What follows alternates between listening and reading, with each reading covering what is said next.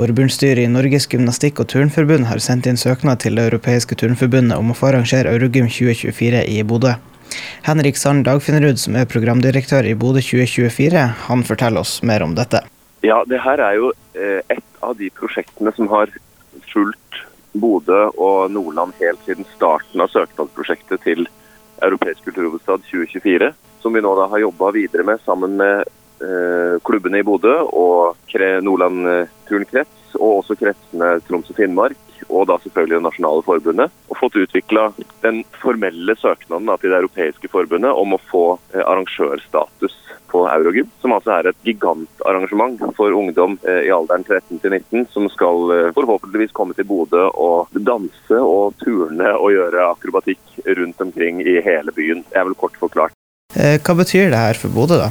Altså det betyr jo, eh, Dette er jo på en måte Fra vår side så betyr det eh, to ting. Det ene er at vi får besøk av en masse ungdommer, som er hovedmålgruppa vår, og de skal komme fra hele Europa. Eh, og det er i et antall som er helt på grensen av hva vi kan få til i Bodø. Det er altså vanligvis opp mot 5000 ungdommer som deltar.